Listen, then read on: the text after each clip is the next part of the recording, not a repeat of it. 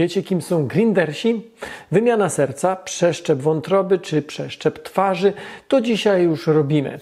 Yy, czy kiedyś możliwe będzie przeszczepienie na przykład mózgu albo zgranie jego zawartości na dysk? Grindersi to subkultura, która zajmuje się biohackingiem, czyli dodawaniem nowych funkcji do swoich ciał. Chcą stworzyć, yy, w zasadzie mogę chyba powiedzieć, nowego człowieka, albo w zasadzie sami chcą się stać nowymi ludźmi. Stworzeniami tylko częściowo biologicznymi, a częściowo elektronicznymi.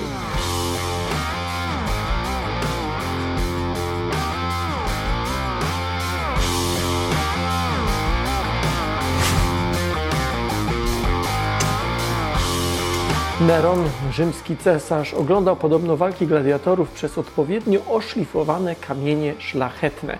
E, dzięki takim soczewkom widział wyraźniej sceny, które odbywały się na arenie daleko od miejsca, w którym siedział.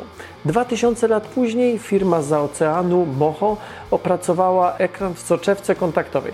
Ten skok od oszlifowanego kamienia do inteligentnej soczewki nastąpił w zasadzie w ciągu ostatnich kilkudziesięciu lat. Przez niemal 2000 lat nie zmieniło się niemal nic. E, po prostu lepiej nauczyliśmy się szlifować soczewki. I tyle. Aż w ciągu ostatniego pokolenia, a nawet niecałego pokolenia, zmieniło się niemal wszystko. Im więcej o człowieku się dowiadujemy, tym bardziej zdajemy sobie sprawę z tego, jak wielu jeszcze rzeczy nie wiemy. Dlatego warto mówić o tym, jak działa człowiek, najlepiej od najmłodszych lat. Dlatego napisałem książkę pod tytułem Jak działa człowiek, a moja żona Ania napisała, przygotowała zeszyt zagadkami o ciele człowieka. Bardzo dobrze. Obie książki są skierowane do młodszych odbiorców. E, świetnie współgrają z serią Jak działa człowiek, która jest dostępna na tym kanale oraz na kanale dziecięcym. W płucach człowieka znajduje się ponad 300 milionów pęcherzyków płucnych. To więcej niż wszystkich ludzi mieszkających w Polsce, Niemczech, Francji, Hiszpanii i we Włoszech. Dziś startuje przedsprzedaż. Przy zamówieniu pakietowym możecie liczyć na bezpłatną dostawę. Kupując te produkty, te produkty wspieracie rozwój kanału Nauka to Lubię, za co z góry Wam serdecznie dziękuję. Szczegóły znajdziecie w linku pod tym materiałem. A wracając do Grindersów. Podobna historia rewolucyjnych zmian dotyczy nie tylko urządzeń wspomagających wzrok, ale także urządzeń wspomagających słuch przeszłości problem starano się rozwiązywać przez przykładanie do ucha specjalnego do tego celu stworzonych nie wiem, trąbek na przykład z rogów zwierząt albo wykonanych trąbek wykonanych z różnych metali. Dziś cyfrowe aparaty słuchowe są tak niewielkie, że można je ukryć we wnętrzu ucha albo wręcz wszczepić do wnętrza czaszki odpowiedni implant. Osoba czy osoby niedowidzące czy niedosłyszące potrzebują technologii, aby normalnie funkcjonować funkcjonować. Jednak nic nie stoi na przeszkodzie, by technologię wykorzystywać do podnoszenia możliwości osób w pełni zdrowych i sprawnych. Właśnie przed takim wyzwaniem stoją producenci egzoszkieletów, które mają podnosić możliwości motoryczne i wytrzymałość człowieka. Ford już od kilku lat wykorzystuje egzoszkielety, aby odciążyć kręgosłupy osób dźwigających ciężkie części w fabrykach. Amerykańska agencja wojskowa jest na progu wyposażenia w takie właśnie wspomaganie, w takie egzoszkielety mm, swoich żołnierzy, aby pozwolić im na długodystansowy bieg z obciążeniem, ale bez zmęczenia ciała. Z szkieletów korzystają również strażacy czy pracownicy magazynów, a za chwilę naprawdę zbliżymy się do kombinezonów tak zaawansowanych jak ten, który nosi War Machine, przyjaciel Ironmana w świecie Marvela. Zaawansowanych przede wszystkim w odczytywaniu intencji jego właściciela. Jeden z pierwszych zaawansowanych szkieletów testowano z 33-letnim Amerykaninem Tibo, który po upadku z wysokości 15 metrów uszkodził, a w zasadzie zerwał rdzeń kręgowy na odcinku szyjnym, czyli w praktyce stracił czucie i panowanie nad swoim ciałem poniżej szyi. Naukowcy najpierw wszczepili do mózgu Tibo zestaw mm, elektrod, czytujących sygnały i następnie zaprosili do, mm, go do treningu w rzeczywistości wirtualnej. Mężczyzna myślał o chodzeniu, a jego awatar poruszał się do przodu. Algorytm tłumaczył i uczył się, jak przełożyć aktywność mózgu na mm, silnik egzoszkieletu. Po takim treningu z VR-em Tibo zajął miejsce w maszynie i okazało się, że ta maszyna rozumie jego zamiary z ponad 70% skutecznością. Takim interfejsem mózg-komputer jest także chip, który testuje na razie na zwierzętach firma e, Neuralink należąca do Ilona Maska.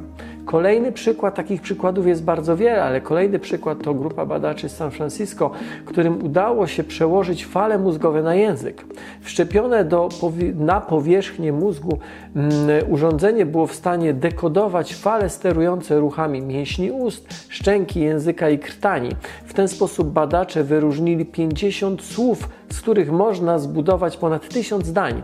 Sparaliżowany człowiek może, mógłby opowiadać o swoich odczuciach, ale też odpowiadać na pytanie o głód, pragnienie czy samopoczucie. Komunikacja możliwa jest również w drugą stronę, czyli od słów wypowiadanych na głos przez falę do myślenia czy odczuć drugiej osoby. O tym em, eksperymencie zrobiłem już jakiś czas temu wideo na Nauka to lubię. Cyborgizacja to nie tylko instalowanie implantów czy konfigurowanie urządzeń, które potrafią odczytywać zamiary czy myśli.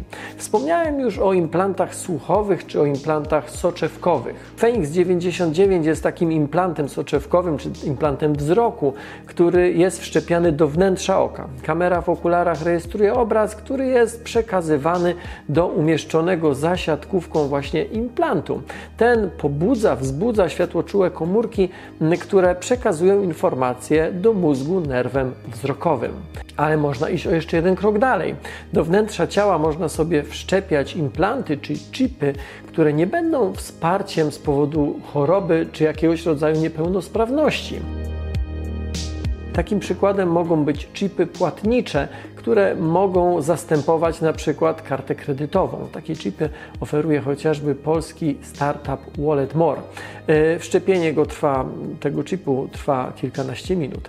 E, inna technologia umożliwia tworzenie elektronicznych tatuaży, które monitorują nie tylko temperaturę ciała, ale również pH potu, czy na przykład zawartość glukozy. Takie tatuaże mogą komunikować się z implantem podającym leki, na przykład osobom cierpiącym na cukrzycę. Jeszcze krok dalej są już tylko modyfikacje genetyczne, ale o nich zrobię osobny odcinek.